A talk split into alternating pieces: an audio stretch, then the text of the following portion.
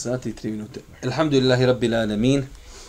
Wa والسلام على salamu ala والمرسلين anbiya'i wal mursalin nabina وصحبه wa ala alihi wa sahbihi wa mtabi'ahum bi ihsani ila yawmi ddin thumma amma ba'd. Doista svaka zahvala pripada uzvišnom Allahu te baraka wa ta'ala salavat mir i selam na Allahog poslanika, Allahog miljenika Muhammeda, alaihi salatu wa salam njegovu časnu porodcu, njegov uzor te asabi i svi ljudi koji slijedi put istinu sudnjega dana. Braću moja draga, evo nas četvrtak je, između Akšama Jaci i naš ustavljeni termin u kojem se družimo u projektu Čitaoni. Trenutno čitamo knjigu Namaz radost oka moga.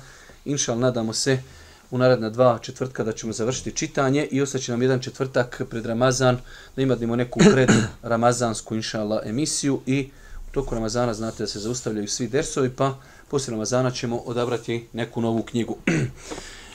Mi smo rekli na početku da Eh, ova knjiga Namaz radost stoka moga ima tri poglavlja koja se bukvalno mogu u jednu ruku smatrati kao zasebne cjeline. Čak ja sam razmišljao o ideji, pogotovo u zadnju, uh, zadnje poglavlje, da ga možda štampam odvojeno, zasebno. Uh, to su tri cjeline zasebne koje smo stavili u ovu knjigu. U prvoj smo govorili o bitnosti namaza, o odlikama namaza, govorili smo o vrijednosti namaza i opasnosti ostavljanja, odnosno veličini grijeha ostavljanja namaza. U drugom poglavlju smo govorili o greškama u namazu i u određenim drugim poglavljima ili postupcima prije namaza, pa vidjeli ste greške u abdestu, greške u gusulu, greške u odlasku u džamiju, greške u ravnanju safova i na kraju same greške u namazu i određene greške poslije namaza. Treće poglavlje, i to je poglavlje o, koji noćas još počnemo čitati, jeste poglavlje skrušenosti u namazu. Pa da vidimo ovdje neka uvodna kraća riječ Skrušnost u namazu. Skrušnost u namazu je srž namaza. Zato smo ovoj knjizi posebno poglavlje posvijetli ovoj temi, uzimajući u obzir da se na našem govornom području malo pažnje posvećuje skrušenosti.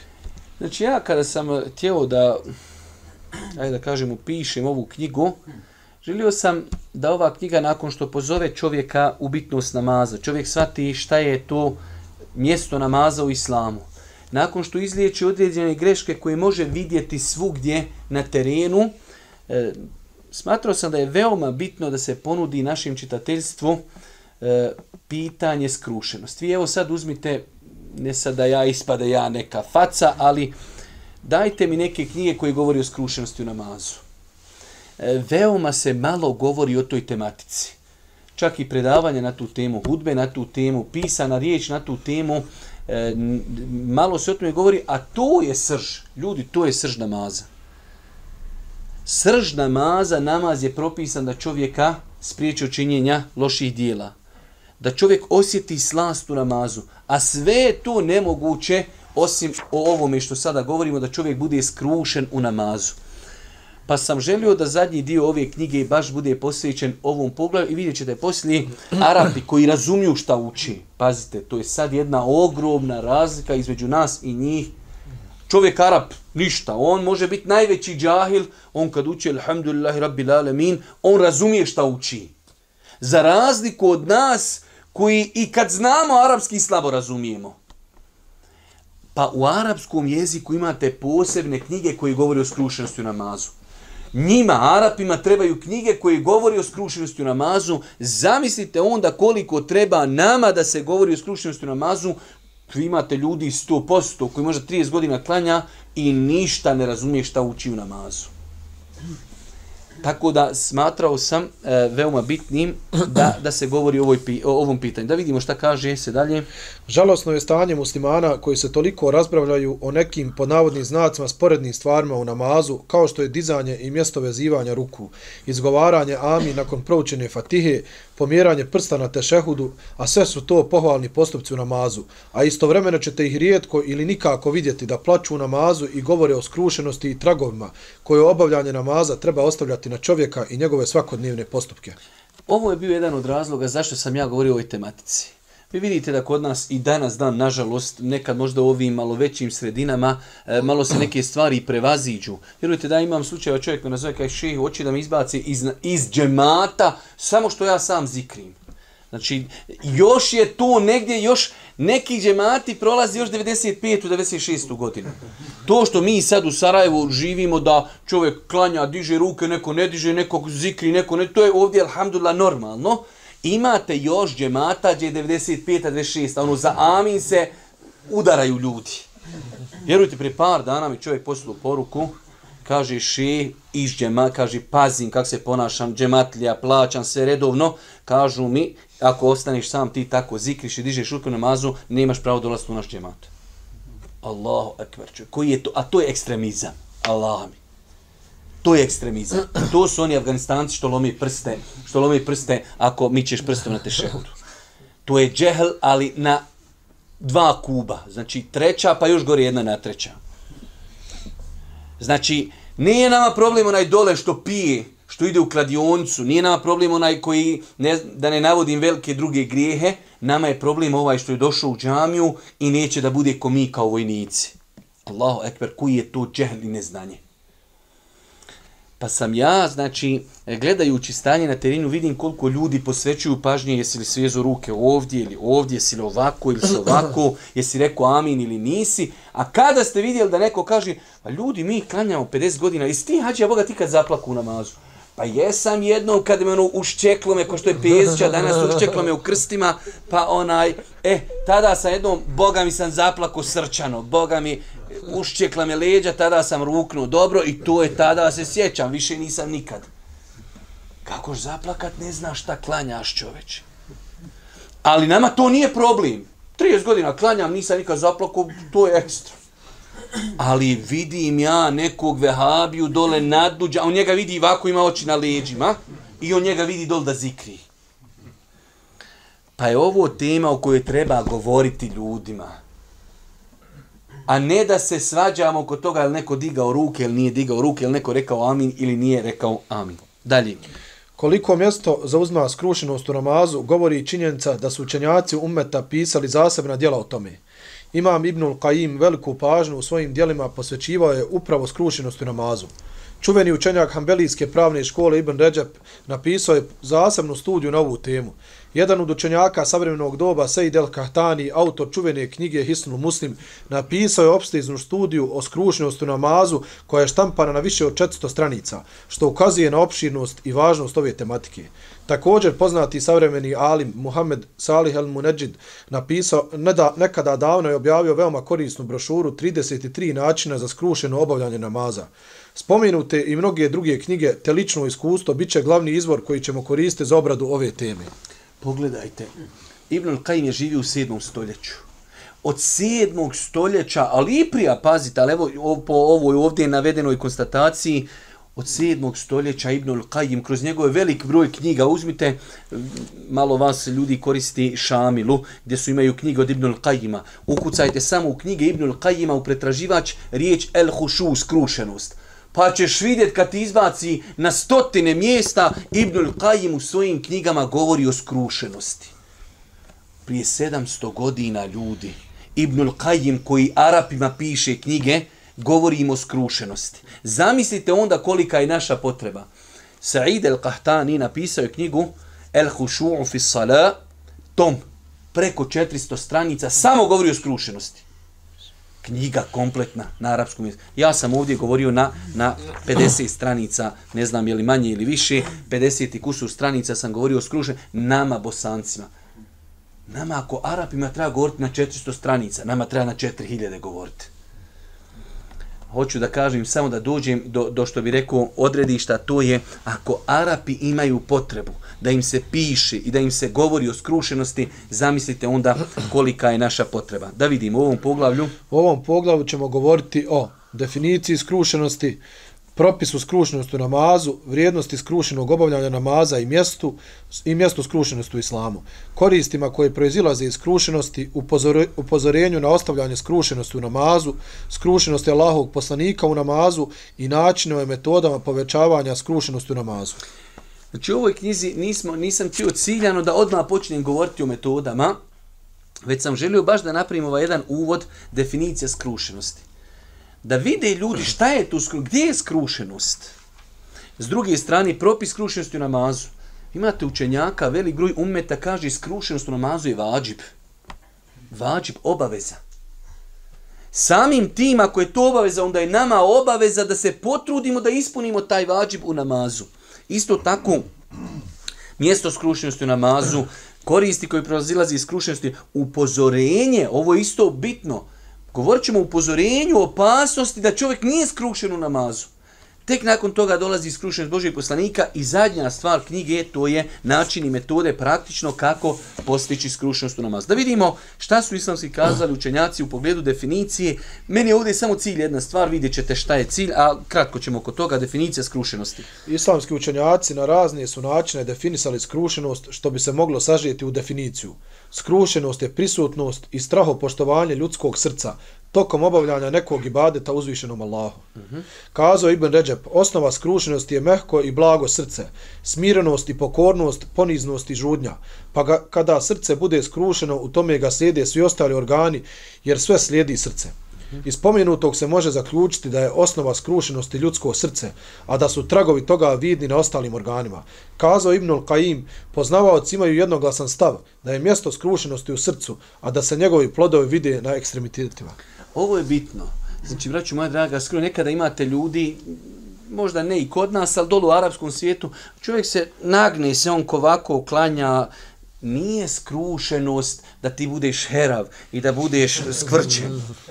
Ja sam neki dan kad smo pojašnjali greške u, na ruku, ja to zaista primijet, imate ljudi kao on hoće da pokaže tu svoju neku pobožnost, on se sagne, ako može i kako da se sagne još da, da, da glavom dodirne koljena kao neka, eto, to je neka dodatna pobožnost.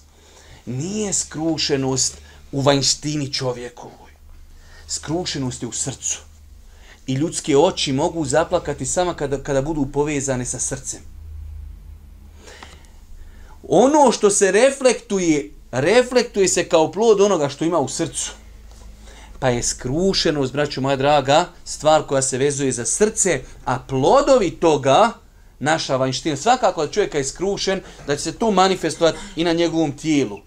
Čovjek češi se, vrti se, razgleda. Nemo, ma ka ja bio skrušen, lažeš, brate, da si razumiješ, nemoguće. Znači, skrušeno se manifestuje i na čovjekovoj venštini, ali manifestuje se na način čak i da čovjek zaplači u namazu. Pa nam je najbitnije zapamtiti definicija da je to srčani ibadet, definicija skrušenosti jeste da je to srčani ibadet, znači, a njegovi tragovi se vide na tijelu. Propis skrušenosti u namazu. O važnosti skrušenosti u namazu govori činjenica da je dio velikih učenjaka umeta smatra obavezom. Mnogo je argumenta koji su spomenuli u prilog tome, a koji ukazuju na to da je skrušenost u namazu vađib, to jest obaveza. Te da bi se klanjač trebao maksimalno potruti da ga obavlja sa što većom koncentracijom i skrušenošću. Ja sam ovdje nisam htio da se opterećuje knjiga mnogo, pa sam zavio samo jedan dokaz i spomenuo sam tu konstataciju što je nama dovoljno da čovjek se zapita, ulema kaže, velik broj učenjaka kaže da je skrušenost u namazu vađib. Poslije ću mi dati odgovor da li istog ako čovjek klanja nije skrušen bio, da li mu je namaz ispravan ili ne. O tome ću mi govoriti. Ali nama sada je potrebno da shvatimo skrušenost u namazu po mišljenju velikog broja učenjaka je obaveza. Ibn Kajim, Ibn Tejmije i drugi navode, pa mogu reći i desetine dokaza koji ukazuju da je skrušenost u namazu obaveza što nas sigurno treba da podstakne da čovjek ovu temu isčitava, da bude pažljiv u pogledu toga, da jednostavno ispuni taj vađib koji se traži od njega. Kazao je uzvišeni Allah. Kazao je uzvišeni Allah, pomozite sebi strpljenjem i molitvom, a to je zaista teško osim skrušenima, koji su uvjereni da će pre gospodara svoga stati i da će se njemu vratiti. Vidite, kaže Allah, Žešanu, sta'inu bis sabri was salah, wa inneha lekebiratun illa lel haši'in ona će biti, kaže, pomozite se namazom i strpljenjem, a namaz će biti težak osim skrušenima. I zato Boži poslanik šta je govorio Bilalu? Bilale, daj da nas odmori nas. Pogledajte sad kako Ibnu Tejmije u jednoj od svojih knjiga ovaj kuranski ajet uzima kao dokaz da je, nama, da je skrušenost u namazu obavezna. Pa šta kaže? Govoreći o ovom propisu, Ibn Taymiye citirao je ovaj kuranski ajet kao dokaz da je skrušenost u namazu obaveza, pa je kazao Iz ovoga proizilazi kuđenje onih koji nisu skrušeni u namazu. A ako su pokuđeni oni koji nisu skrušeni, to znači da je skrušenost u namazu obaveza. Pogledajte, Allah Želšanu ovdje kudi one koji nisu skrušeni. Na osnovu toga kaže Ibn Taymiye rahmetullahi ali dok Allah kudi one koji nisu skrušeni, ne bi Allah Želšanu kudio i kritikovao nekoga osim kada izostavi nešto što je vađib. Pa sama činjenica da uzvišeni Allah u negativnom kontekstu spominje oni koji nisu skrušeni, to ukazuje da su izostavili nešto vađib, da su izostavili neku obavezu, a to je skrušenost u namazu. Pa znači, e, izostavljanje skrušenosti je bio razlog da uzvišeni Allah ove ljude spomine u negativnom kontekstu. Pa na osnovu toga, islamski učenjaci, od kojih Ibnu Tejmi i drugi, smatrali su da je e, skrušenost u namazu obavezan. E sad dolazi onaj odgovor. Dobro, ako mi kažemo da je skrušenost u namazu obaveza, da li insan koji ne klanja skrušeno, njegov namaz ispravan nije? Pazite, ima i druga krajnost, ima uleme koja kaže čovjek koji nije klanju e, skrušeno, ne isprava namaz, x. Nije klanju, cijelo vrijeme razmišljao Sarajevo, Željo, Golov, Juventus, Liga prvaka, selam, ali, ali selam, x, ponovo. Ima i toga. Iako smo mi, alhamdulillah, preferirali taj stav koji preferirao Ibn al-Qayyim, rahmetullahi alihi, da nije uvjet. Kao isti je slučaj s postom. Imate čovjeka posti vanštinom. Ne jede, ne pije ništa, ali lik laže, pjeva, psuje, gleda filmove. Kažu mi, postio si, ok, nagrada, sifr, nula, ništa. Eto, ti si jes, kaj jes postio, jesam. Ima nagrada, nema. E tako i namaz mi kažemo, namaz ispravan, ti si pred Bogom, jesi obavio, jesam, bio sam u džam, jesi li? Gledao utakmicu, jesam, ok, završena stvar, stavimo klakicu, klanju je, nagrada, nula. Pa da vidimo šta kažu islamski učenjaci po tom pitanju to što su kazali da je skrušnost u namazu obaveza i da bi se klanjač trebao dobro potruti da ga obavi što skruškenije, to ne znači da je namaz obavljen u nemaru i bez skrušenosti neispravan. Prema preferirajućem mišljenju, takav namaz je validan, ali je izostanak skrušenosti uzrokovao umanjivanje nagrade.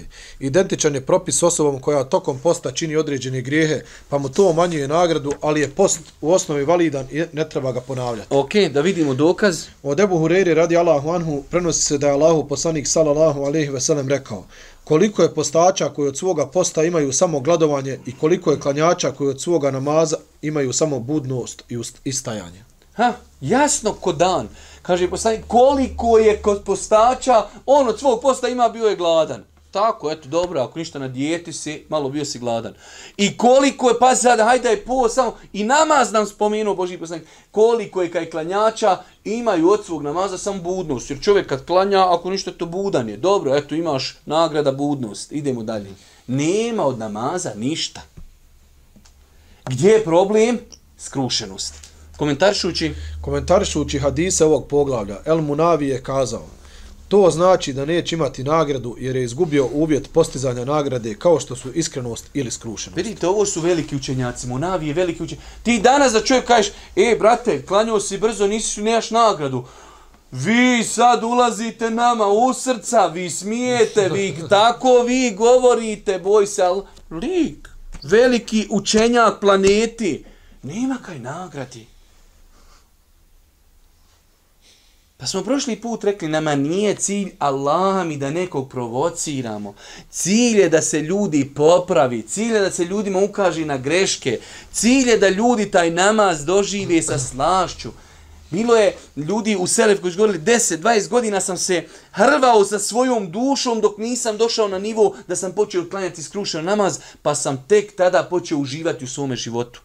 To mi želimo ovom knjigom, ne želimo nikog provocirati koliko želimo ljudima ponuditi. Evo ti, brate, pročitaj okusi slast namaza. Dalje, Ibnul Qajim. Ibnul Qaim je, govoreći o propisu namaza osobe koja većinu namaza ne bude skrušena, spomenuo da postoje dva stava među islamskim učenjacima. Jedni su smatrali da mu je obaveza ponoviti namaz, a drugi da mu je time umanjena nagrada ali da je namaz ispravan i da mu nije obaveza da ga ponavlja, pa je i on odabrao i preferirao taj stav, dodavši da su dokazi prve grupe učenjaka također jake. Pogledajte, Allah ti. Kaže čovjek koji u većini svog namaza nije bio skrušen. Ni rekao cijeli namaz. Ne, ja se bojim da mi svi potpadamo pod ovu čovječe. Ja se bojim, kaže Ibnul Qayyim, e, govori o propisu namaza osobe koja većinu namaza, ne cijeli, Mi znamo biti od Elifa do ja, do kraja. Allahu ekber Juventus. I eselamu alaikum Roma. Ni, znači, na kraju smo.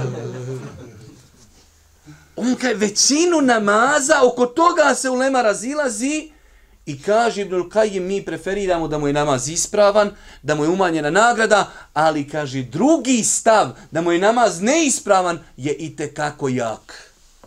To je govor Ibnul Kajima, ko hoće nek nam se fino vrati na knjigu Medarđu Salikin, ima dole odakle je preuzet ovaj govor.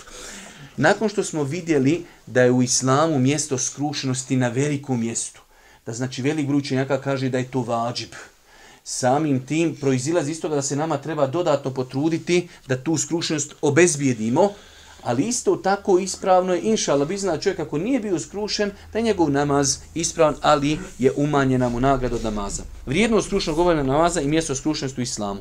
Vjernik bi trebao poznavati vrijednosti koji proizilaze iz skrušeno obavljenog namaza, jer će na taj način u svome srcu pobuditi htjenje da postigne nagradu. Ovo je čak u jednu ruku kao podstrijek na skrušenost. Kada čovjek zna nagrade koje proizilazi iz skrušenog obavljenog namaza, to je u jednu ruku i ono što će nam poslije doći načini kako obezbijediti skrušenost u namazu i postići znajući vrijednost skrušenosti. U islamu je teško čovjek kažeš, haj to čini. Ali kad mu kažeš, ako to uradiš, imaš nagradu to i to, e onda je to već drugačija priča. Pa evo nekoliko argumenta o tome. Skrušno obavljanje. Skrušeno obavljanje namaza u kojem se insan ne prepusti šetanskom došaptavanju razlog je oprosta grijeha. Vidite ovdje, ovo je veoma bitna stvar. Još sjećam se i školskih dana kad smo ko šeha Šankitija radili komentar ovog hadisa od Osmana radijallahu ta'ala pošto on umdetu lahkamu. Nemoguće da čovjek klanja, kaže Allahu ekber, i do predaje selama cijelo vrijeme razmišlja o namazu. Nemoguće. Nemoguće. Znači da odmah shvatimo, bio Arab ili ne Arab. Nemoguće. Šetan će čovjeku doći šta god da ti učiš, koliko da se koncentrišeš, on će naći nešto putem čega će ući do tvoga srca. To je znači nemoguće. Ali šta je pojenta u islamu? Toga se ne možeš spasiti pojenta da se ne prepustiš njegovom, a on ti kaže, ti kaže, Allahu ekber, i on kaže, e, noćas igra Juventus, s kimenom igra Juventus? Portom, nije, ne znam, nije. E, he, s Ajaxom, bravo. I ti onda, a, koli je u prvoj ekipi, ne, do, evo, pu, pu, pu, evo, zubila je ne šetaj na džim i to je. Ne interesuje mi Liga prvaka, još da klanjam. Ekstra. Ali ako po... Joj, koli će, kolika će biti kvota, kako će proći? a, na, eselam alikum, Porto, prošao je Ajax i to je to. To je problem. Pa je veoma bitno sad da je ljudski mozak tako, znači, eh, Allah Đeršanu stvorio insana, nemoguće je klanjati da ti šeta nešto ne došapni. Već je na nama da se ne prepustimo Tomi, a kako on tebe zna navuž da se ti prepustiš? Znači, to ti ono isto kad zagrize riba. I on te sam lagano navla, a ti sam... Paša, sam kaj hoće, selam alekum, ti i dalje navijaš gore na, na, na tribinama. Bitno je da čovjek odma osu, osudi njegov napad. Znači, šetan, Ajax, Juventus, evo, bila je šetan na džim, pljuvaj lijevo, desno, radi šta hoćeš, samo da si u namazu. U tom kontekstu ovako se ispravno razumije ovaj hadis od Osmana radijallahu ta'ala anhu. E, evo samo na kraju, pročitat ćeš nam kraj. Osman radijallahu ta'ala anhu hadis u Buhari muslimu, jedne prilike su mu donijeli vodu i pokazao im je kako je abdestio poslanik. Kaže, ja sam vidio poslanika da je abdestio poput mog abdesta i onda kaže kraj hadisa, ko se ovako... Zatim je rekao, vidi, e, a, ko se ovako abdesti, a onda klanja dva rekata, ne prepuštajući se šetanskom došaptavanju, bit će mu oprošteni prijašnji grijesi. E, znači, ne prepusti se šetan. La yuhadithu fihima nefsehu. Nemoguće je, znači, čovjek da kaže, ja sam klanju, nisam truna mora. Ali je bitno da se čovjek ne prepusti, da ne ide za šetanom njegovim došaptavanjem. Pa je nagrada ovdje skrušenosti. Kaže, ko se ovako abdesti, onda klanja dva rekiata kako? Skrušeno, ne prepuštajući se šetanskim došaptavanjima, kakva je nagrada? Biće mu oprošteni grijesi. Pa je skrušeno obavljen namaz razlog oprosta griha. Treba li čovjeku veća nagrada? Pa se kaže, ko abdesti? Lijepo abdestio po tri puta sve pravo, ode klanja dva rekiata. U ta dva rekiata nije rečeno koliko će dugo klanjati. Fatiha i kulhu valla, fatiha i tajna. Samo je bitno da se čovjek maksimalno posvijeti namazu, ne prepusti se šetanskim došaptavanjima, bit ćemo oprošteni grijesi. Hadis bilježi Buharija i Muslim. U drugoj predaji, U drugoj predaji od Osmana radijallahu anhu prenosi se da je nakon abdesta kazao Čuo sam Allahovog poslanika sallallahu alaihi ve sellem da je rekao nema ni jednog muslimana koji kada nastupi propisani namaz u potpuni abdest, skrušenost i ruku, a da mu taj namaz neće biti razlogom oprosta grijeha sve dok ne počini neki veliki grijeh i tako u nedoglede.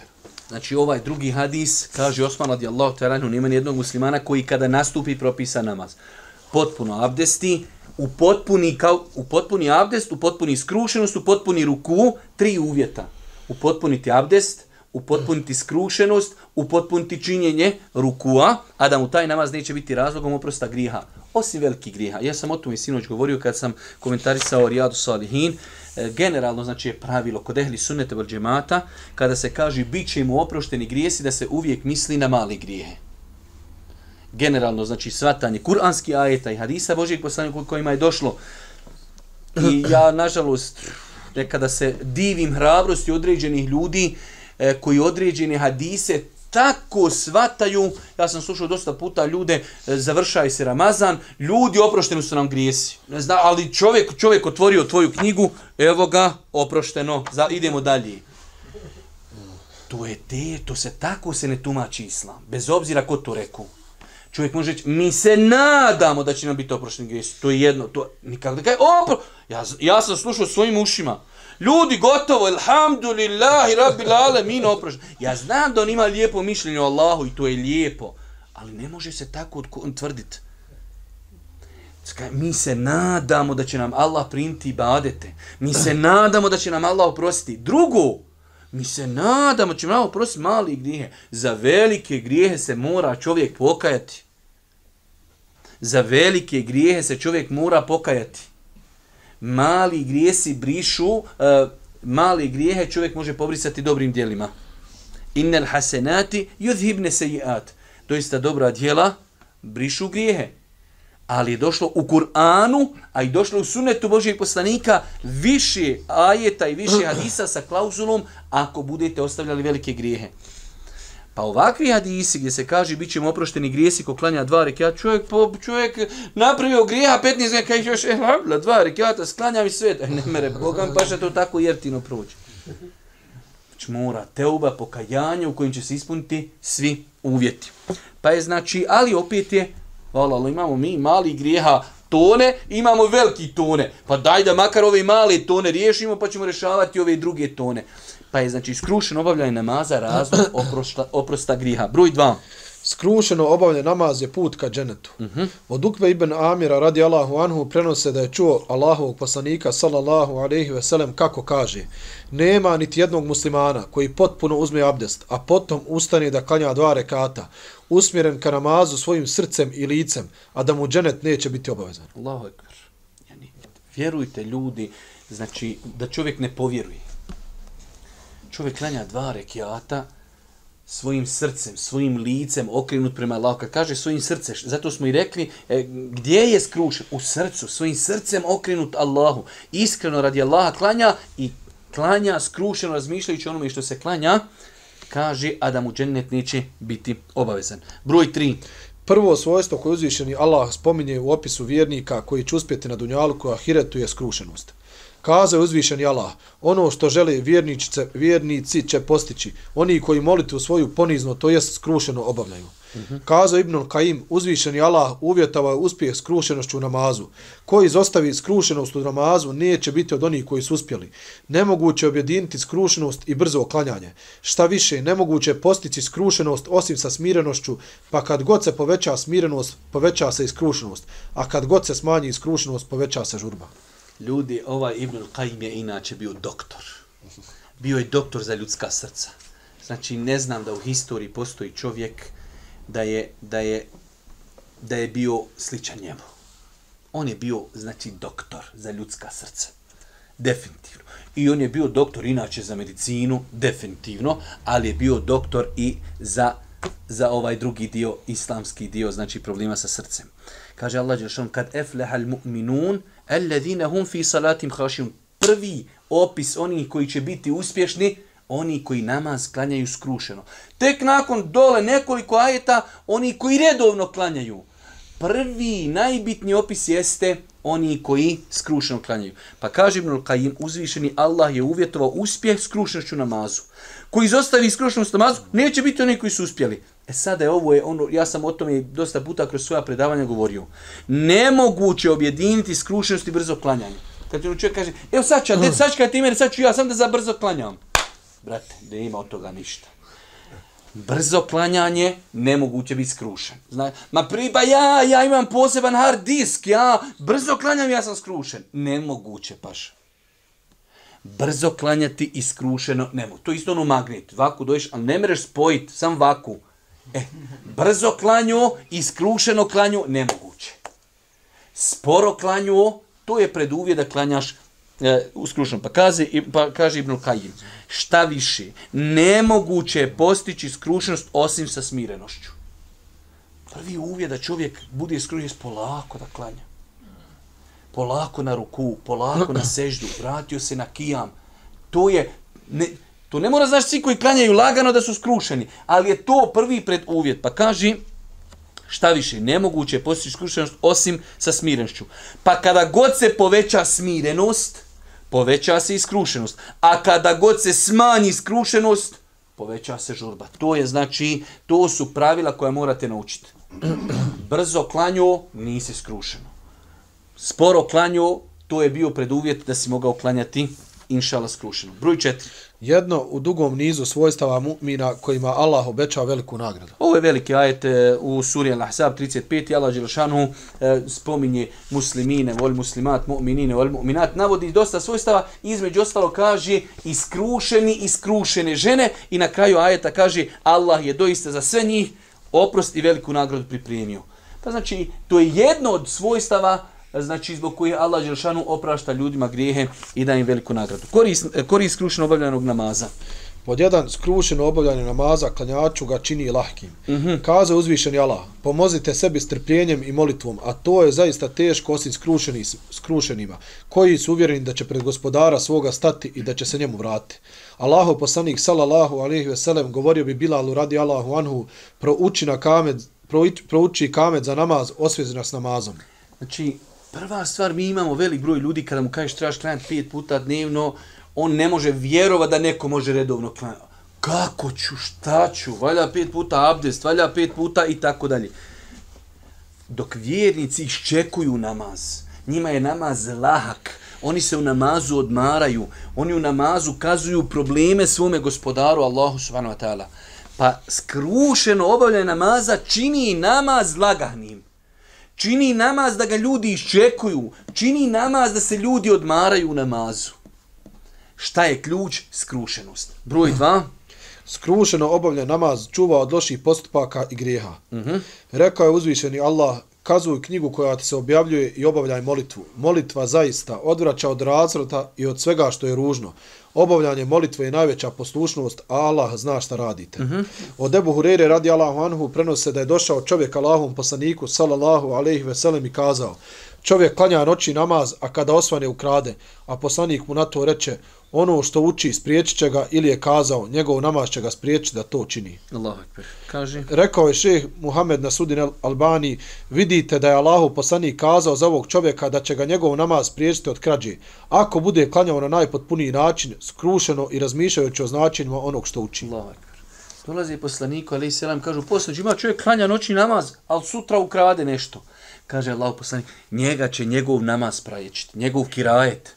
Šeha Albani, Zato što su to oni doživljavali Arapi u to vrijeme na jedan način e, koji nama danas treba pojasniti. Pa kaže Šeha Albani, ovdje se misli, ako bude klanjao skrušeno, ako bude klanjao sa razmišljanjem onome što uči, njega će njegov namaz odratiti. Nemoguće čovjek u namazu stoji pred gospodarom, uči ajete o džennetu, o džehennemu, o kazni, o prijetnji i da ga to ne sprije. Nemoguće. Nemoguće mora ga to spriječiti. Ali ako čovjek bude klanja ko što veli broj, evo i ja, prvi možda veli broj nas klanja, ne razmišlja ni o čenju, nema ga šta smo u nas, vidio si non stop po kamera, kaže, Nađem lopa u nekoj džami ukro patike, ko prepoznaje lopova, ko prepoznaje lopa. U nas iđeš džami i ukradiš patike, sve fino, alhamdulillah, što ovdje je dobro, imaš fino sve sortirano, gledaš brojeve, gledaš orgi... e, ove čas sebi, alhamdulillah, vidi što je fino, doješ i u džamiju, i čevap, i sevap, i ukro patike, i klanju, ja rab, što je ovo fina vjera, din. I ljudi se poredali, fino, ti sam izabereš sebi nove, no, eto ga. Pa ako čovjek klanja skrušeno, onda će ga njegov namaz odvratiti od loših dijela. Skrušeno obavljanje namaza? Skrušeno obavljan namaz biva razlogom plakanja i straha od Allaha. Kad čovjek skrušeno klanja, tada postoji mogućnost da plaći. A plakanje od straha i straha od Allaha je jedan od najvećih badeta u islamu. Ne možeš ga postaviti, imamo mi dvije verzije, da plaćeš što se bolete leđa, sjetio se nene u kaburu, ili da se plaćeš iz straha prema Allahu. Ova nema je bitno, ovo bolete leđa, to paša, sam ti može čak ne daj Bože pokvariti namaz. Plakanje u namazu i straha od Allaha je jedan veliki ibadet, a može nastati samo skrušeno priča jedan brat, čisto nakon naleti mi neka tema, ono kad je tek bio rat, pa braća, to ipak i bio je to, i što bi rekao jedan vidi Hamasa, ono ljudi, kaže u ketibi se klanja teravija, uči hođa ona jes elune kanil mehid, pitaju te o hajzu, vam braća plaću, cijepaju, ne razumiju ljudi šta se pitaju te o hajzu, ma to na, na tom Arapi ne plaću, ali mi plaćemo fino, nam ovaj uči, razumiješ, on je fino glasa i on kad o hajzu uči mi plaćemo. Mi plaćemo i kad treba i kad ne treba, i ga ne plaćemo, ga plaćemo kad uvijek, tako da sve naopako to be Arapi. Da vidimo šta kaže. Mnogo je...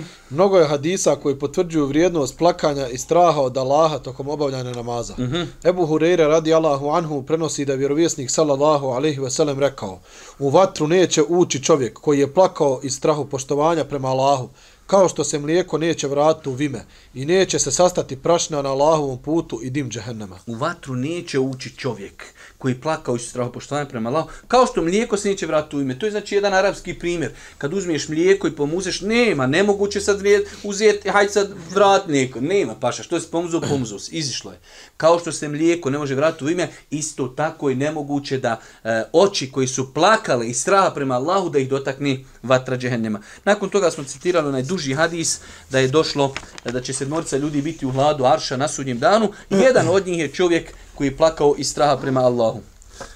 E, ovo, je, ovo bi trebalo da bude boldirano, znači to je novi podnaslov. Upozorenje. Upozorenje na zapostavljanje skrušenosti u namazu te njegovo nemarno obavljanje. Nakon što smo znači vidjeli da kolike su nagrade, kolike su koristi koji proizilazi iz skrušenog klanjanja namaza, prije nego počnemo konkretno govoriti o načinima, metodama, kako, veoma je bitno isto tako čovjeka zastrašiti. Kao što kad smo govorili vrijednost namaza i stat, ne, Kaži ljudima kakva je opasnost ostavljanja namaza.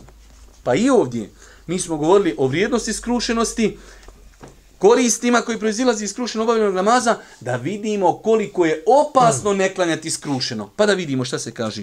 Za postavljanje skrušenosti i poniznosti neminovno će se odrasti na namaz vjernika, tako da postoji velika mogućnost da zbog toga izostavi neki od njegovih vađiba ili ruknova. Uh -huh. U sunetu Allahovog poslanika nalazimo dosta hadisa u kojima se zabranjuje brzo klanjanje i izostavljanje vađiba ili ruknova namaza. Uh -huh. Pod jedan, osoba koja klanja 60 godina, a nijedan namaz joj nije primljen. Allah. Od Ebu Hureyre radi Allahu anhu prenose da je Allahu poslanik sallallahu alaihi veselem kazao zaista ima ljudi koji klanjaju 60 godina, a da im nije nijedan namaz, da im nijedan namaz nije primljen. Možda su potpunili pregibanje, to jest ruku, a nisu seđdu, ili su potpunili seđdu, a nisu pregibanje, to jest ruku. Rekli smo, znači brzo klanjanje uzrokuje Kad nema skrušenosti, videli smo onu formulu od Ibnul Qajima. Nema skrušenosti, ima brzina. Kad ima brzina, najviše brzina uzrokuje da čovjek preskoči neki rukn ili da ga ne uradi potpuno. Pogledajte šta može uzrokovati. To su riječi Božijeg poslanika, ili se ratu slamu ovaj hadis šeha Albani u svojoj poznatoj silsili Esahiha navodi kao vjerodostojan hadis. Da je Božiji poslanik, ali se vam kazao, bit će ljudi koji će klanjati 60 godina i ni jedan mu namaz nije primljen. Zašto? I on je tako naučen, svaki dan isto klanja. Ne, mi, ne, ne misli se on nešto mijenjat. Naučio, ja, tako i završen sa ti sad pametniji od mog dede. Nismo pametni, brate, nastavi, to je to. Kaže, možda je u potpunju ruku, ali nije u potpunju seždu. Možda je u potpunju seždu, nije u potpunju ruku. Pa je to bio razlog da mu Allah ne primi 60 godina namaz. Allah mi za mene je to najveći gubitnik. On je odvojio vrijeme za namaz i ništa mu nije primljeno. Onaj koji nije klanio, makar nije klanio, makar čovjek gleda utakmice. Ovaj jednik nije gledao utakmice, išao u džamiju, pješačio i ništa mu nije primljeno. On je najveći gubitnik. Ovaj ako ništa ga bude u džahenu vika, pa makar ako ništa gledao sam utakmice, ajde, makar mi je dunjalko bilo fino. Ovaj jednik išao, hodo, trudio se i ništa, nula. Pa je ovo opasnost izostavljanja skrušenosti u namazu, da čovjek, ne daj Bože, potpadne pod kategoriju klanju, namaz nije primljen. Broj 2. Poslanik je naređivao ponavljanje namaza osobi koja brzo klanja. Ovo je onaj dugi hadis, njega sam ja nekoliko puta ponavljao e, kroz, kroz ovu knjigu, pošto zaista on se vezuje i za skrušenost, a vezuje se i za greške u namazu. Tako da smo imali potrebu da ga dosta puta ponavljamo. Poznati hadis, dolazi Asab, Božijem poslaniku u džami, sjedi Božiji poslanik sa ashabima, pa je on pored njih klanjao dva rekiata, kaže selam alaikum, alaikum selam, kaže Božiji poslanik, vrati se, klanjaj, nisi klanjao. On ode ponovo klanja, opet dođe, selam alik, alik selam, vrati se, klanjaj, nisi klanjao. I tako tri puta. On kaže na kraj, kaže, ja Rasulallah, ma uhsinu gajraha, ne znam ja drugačije, poduči me, alimni. E kaže, kad si došao da te podučim, evo ovako, kada kaže hoćeš klanjati uzmi abdest, okreni se prema kibli, donesi početni tekbir, prouči nešto od Kur'ana, otiđi na ruku, pa se potpuno smiri. Pa se vrati sa rukua, pa se potpuno smiri. Pa otiđi na seždu, pa se potpuno smiri. Pa se vrati sa seždi, pa se potpuno smiri. Pa opet učini seždu, pa se potpuno smiri. I nakon toga, kaže, to učini u čitavom su namazu. Pa mu je proglasio poslanik neispravnim namaz. Zašto? Jer je klanjao brzo pa ga je podučio i glavna klauzula je bila uvijek hatta tatma inne qaimen, hatta tatma inne sađiden, dok se ne smiriš na ruku, na kijamu, na seždi i tako dalje. Pa je znači e, poslanik Ali se letu sram naređivao ponavljanje namaza. Ponište namaz. Ne broji ti se namaz jer si klanjao brzo. Broj 3. Brzo obavljanje namaza najgori vid kraće. Od Ebu Sejde al-Hudrija radi Allahu anhu prenose da je Allahu poslanik sallallahu alaihi ve sellem rekao Najgori kradljivac je onaj koji krade od svog namaza. Kazao su ashabi Allahu poslanića kako krade od svog namaza. Reče, ne u ruku i seđu. Vidite su vanla, kako je dosta je puta Allahu poslanik alaihi sallatu sallam ljudima popravljao određena mišljenja e, vezano dunjalka hirati. Zato onaj hadiska kaže Allahu poslanika iši, šta nam je, kaže, ostalo od ovci? Kaže, iša, pa ostala je kaj samo, samo plečka. Ona je to gledala dunjalučki. Boži poslanik gledao ahiretski. Ne, ne, ne, kaže. Sve nam je ostalo. Ono što smo udjeli, to je ostalo. Ovo što mi pojest, to nije ostalo.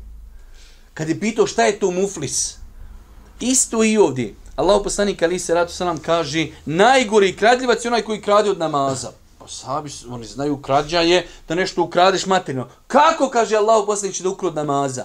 Nije upotpunio ruku, nije upotpunio seždu. Pa je to jedan od najgorih vidova, jedan od najgorih vidova krađi. Broj četiri. Kolika skrušenost u namazu, tolika i nagrada. Uh mhm. -huh. Od Amara ibn Jasira radi Allahu anhu prenosi se da je kazao Čuo sam Allahovog poslanika, sallallahu alaihi ve sellem, kako govori. Ima ljudi koji završi s namazom, a od njega im je upisana samo desetina, devetina, osmina, sedmina, šestina, petina, četvrtina, trećina, polovina. Znači čovjek treba da zna ovo, ovo je, vjerujte, ovo mene ubi. Od namaza će ti, brate, biti upisano onoliko koliko si bio skrušen u namazu. Pa sad vidi. Ne treba ti, ne treba ti sad niko da ti nešto crta i priši. Sam sebi izva. Sad fino kad klanjaš, ja ću sjedi sam se, ga mi, četvrtina. Znači, tri četvrtine, ošlo, baci, nizvod. nema šta, ošlo. Meleki upisuju, Jer im Allah dao mogućnost da znaju šta ti učiš skrušeno, što učiš neskrušeno. Pa se od namaza upisuje insan onoliko koliko je razmišljao u namazu o namazu. Koliko je razmišljao, koliko je pratio, koliko je bio svjestan onoga što se uči u namazu. I zaista ovaj hadis je, ovaj hadis je težak hadis. Imamo zadnju stvari, time ćemo ako Bog da i završiti, samo da vidimo nekoliko argumenta, da vidimo kako je izgledao namaz Božijeg poslanika ali se letu selam pogled te skrušenosti inšala od sljedećeg puta počinjemo govoriti konkretno o, o načinima kako, kako uh, postići skrušenost u namazu. Dobro, kratko ćemo Skrušenost Allahovog poslanika u namazu. Uh -huh. Osoba koja bude čitala biografiju Allahovog poslanika sallallahu alejhi ve sellem neminovno će shvatiti da je on na poseban način doživljavao namaz. U namazu se odmarao, osjećao posebnu slast, toliko je klanjao na filu da su mu noge otjecale. Dakle, namaz je zauzimao posebno mjesto u poslanikovom sallallahu alejhi ve sellem životu. U nastavku ćemo spomenuti nekoliko dokaza za to. Prenosi, O, ovaj nam je podug hadis, ali nema veze, hajde, pročitaj nam ga. Prenosi se od Ubejde ibn Umeira da je došao kod Aisha radi Allahu anha i upitao je da mu ispriča najčudniju stvar koju je vidjela kod Allahog poslanika sallallahu alejhi ve sellem. Mm -hmm. Ona je radi Allahu anha zašutjela i rekla: Jedne večeri ustao je iz postelje i kazao mi, Aisha, dozvoli mi da napustim postelju i posvijetim se ibadetu svome gospodaru. Rekla sam mu, tako mi Allaha, ja neizmjerno volim tvoju bliskost, ali me isto tako veseli ono što tebe veseli. Ustao je, abdestio se i počeo klanjati noćni namaz. Nije prestajao plakati dok mu suze nisu natopile bradu, pa je nastavio plakati dok mu suze nisu nakvasle krilo, a zatim i zemlju na kojoj je stajao. Nakon toga je došao Bilal radi Allahu anhu da uči jezan za sabah namaz. Kada je vidio uplakanog poslanika, sallallahu alaihi ve sellem, rekao je, Allahu poslaniće, plaćeš, a oprašteni su ti i prvi i posljednji grijesi. On mu na to odgovori, a zar da ne budem zahvalni rob? Sinovcu mi objavljeni ajeti teško onome koji bude učio, a ne bude razmišljao o njima. To su ajeti sure Ali Imran, koji glase u stvaranju nebesa i zemlje i izmjeni noći i dana zaista su znamenja za razumom obdarene za one koji stoj za one koji istojeći sjedeći i ležeći Allaha spominju i o stvaranju nebesa i zemlje razmišljaju Vidite ovdje toliko je znači Božji poslanik razmišlja onome što se uči da iša radi Allah kaže on je nakvasio lice pa bradu pa odjeću čak znači suze su padale na zemlju na kojoj on klanju To znači čovjek da ovaj hadis nije prenesen vjerodostojnim lancem, prosto čovjek bi rekao ovo je nemoguće. Ali je moguće kad u pitanju Allahu poslanika ali se salatu wasalam.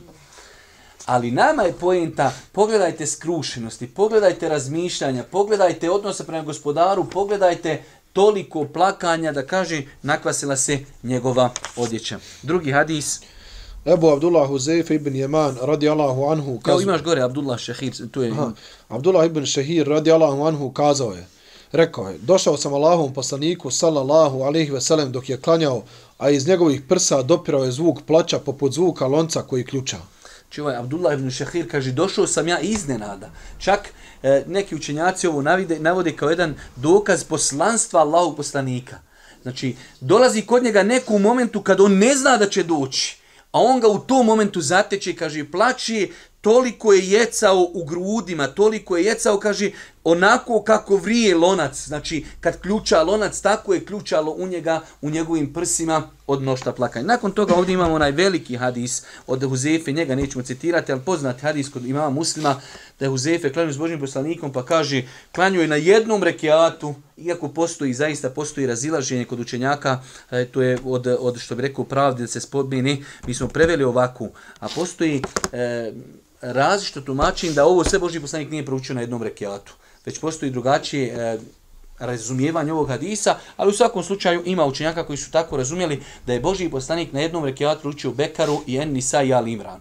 Znači, pet džuzeva na jednom rekiatu pije džuzeva na jednom rekiatu, još kaže Uzefe, radi Allahom, kad bi god naišao pored ajeta, gdje se govori o azabu, zaustavio bi kirajet i molio bi Allaha da ga spasi azaba.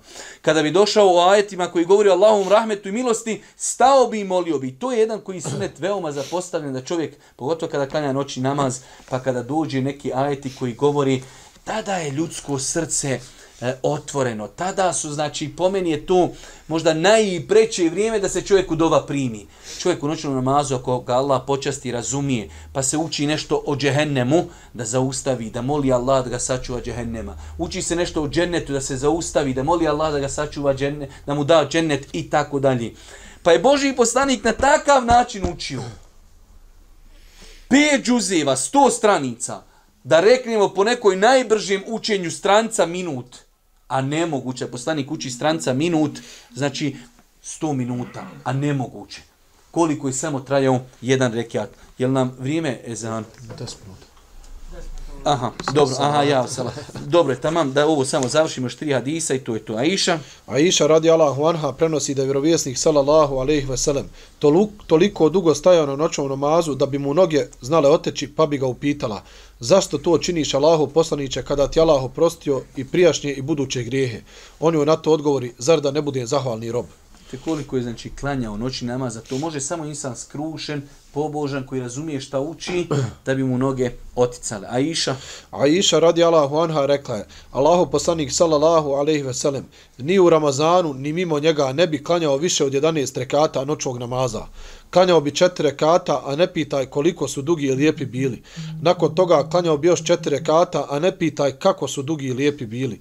Zatim je klanjao tri rekata, a ja ga upitah, Allahu poslaniće, spavaš li ti prije nego što klanjaš vitr namaz? A on mi odgovori, o Aisha, moje oči spavaju, ali moje srce ne spava. Te ovdje kako je Aisha opisuje četiri rekata. Kaže, la tes'el an husnihinne wa tulihinne. Nemoj da pi, to, to ne mogu ti pojasnit. Nemoj da pitaš o njegovom noćnom namazu i dužini i ljepoti njegovog namaza. Pa je to bio sunnet Božijeg poslanika, alaihi salatu sam i zadnji hadis. Od Enesa radi Allahu anhu se prenosi da je poslanik sallallahu alaihi ve sellem kazao Meni su učinjene dragim dvije dunjalučke stvari, žene i miris, a radost moga oka je u namazu. Mi ovaj prvi dio hadisa praktiju, nama žena da i mirisa, a radost oka u namazu, to nismo još na tom stepenu. Poslanik kaže, dvije stvari u dunjaluka volim, žene i miris, ali kaže ju'ilet kurratu ajni fi sala ja sam čak po ovom hadisu i dao naslov ovoj knjizi svojoj radost namaz radost oka moga ju'ilet kurratu ajni fi sala u namazu tako smo radost moga oka je u namazu Dunjaluk je dunjaluk, ali ondje gdje se ja odmaram, ondje gdje je meni lijepo, ondje gdje je meni udobno, to je onda kada obavljam namaz. Molim Allah Đelšanu da nas učiti na putu istini. Molim Allah Subhanu Atala da nam podari ono što je dobro na, e, na dunjalku i na hiretu. Subhanike Allahumma bihamdike, šedun la ilaha ilan stakfiruke, ve tubu ilik.